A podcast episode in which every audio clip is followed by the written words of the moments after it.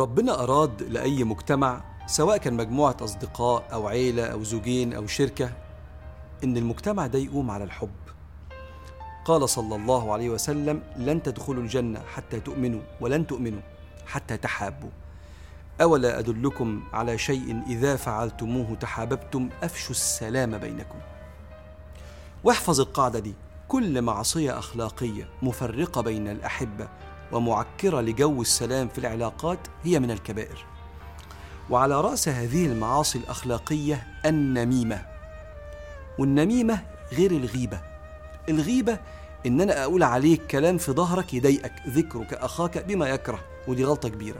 أما النميمة إن حد ينقل لك الكلام ده. النميمة هي نقل الكلام المفسد بين الأحبة بين المجالس. وده النميمة يعني ليه دافعين مشهورين جدا. أول دافع بيخلينا ننم على بعض يعني ننقل الكلام اللي بيزعلنا من بعض بين المجالس هو الوقيعة المقصودة. إن أنا عايز أوقع بين اتنين فبقول له بيقول عليك. وده سماه رسول الله عليه الصلاة والسلام شرار الأمة. قال صلى الله عليه وسلم إن خيار عباد الله من هذه الأمة الذين إذا رؤوا ذكر الله تعالى.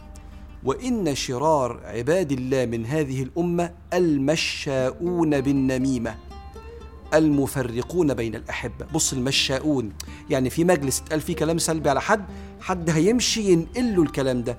ده معنى النميمة عند العلماء. السبب الثاني بعد الوقيعة المقصودة سبب إظهار المودة والخوف عليك. قال يعني أنا صاحبك بقى ولما حد يتكلم عليك اتضايقت قوي أنا من رجالتك بنقل لك الكلام أهو.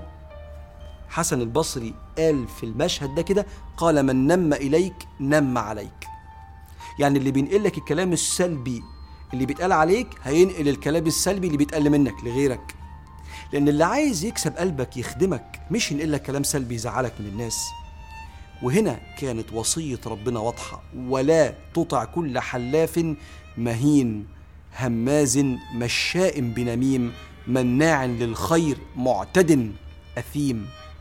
مناع للمحبة بين الخلق وده اعتداء وإثم. أما الوصية من سيدنا رسول الله صلى الله عليه وآله وسلم فكانت في صورة تحذير من مفسدين العلاقات بسبب النميمة. وقبل ما أقول لك التحذير أنا بعناية.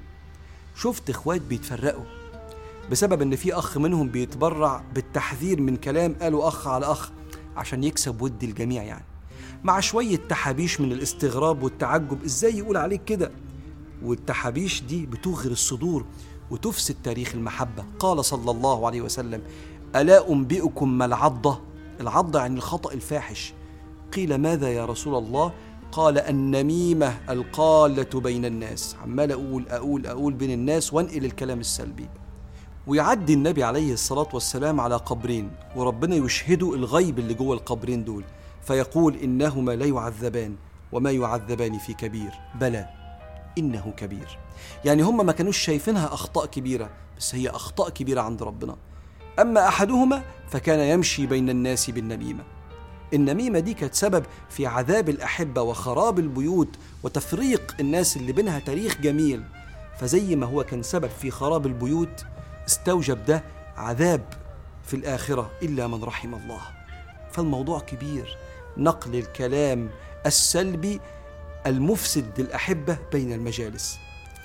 مع إن الشريعة جت بعكس النميمة.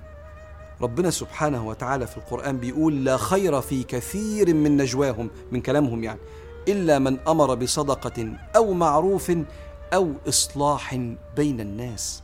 فإحنا مأمورين بنقل الكلام الإيجابي مش الكلام السلبي بين المجالس.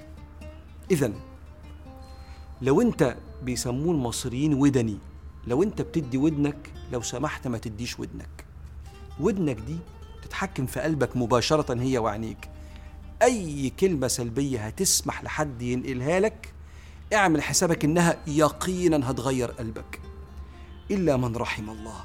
فلو سمحت لا تسمح لأحد أن ينقل لك كلام سلبي اتقال عليك.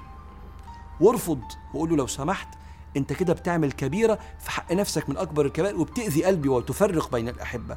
فاللي بيسمع ما يديش ودنه. واللي بينقل عايز أقول لك حذاري. حذاري لأن ربك سبحانه وتعالى لو عايز تكسب ود الناس بنقل الكلام السلبي قال يعني بتخدمهم يعني ربنا ما بيحبش النميمة وقال عليها من الكبائر. حذاري على مقامك في نفوس الناس اللي انت بتدور عليه.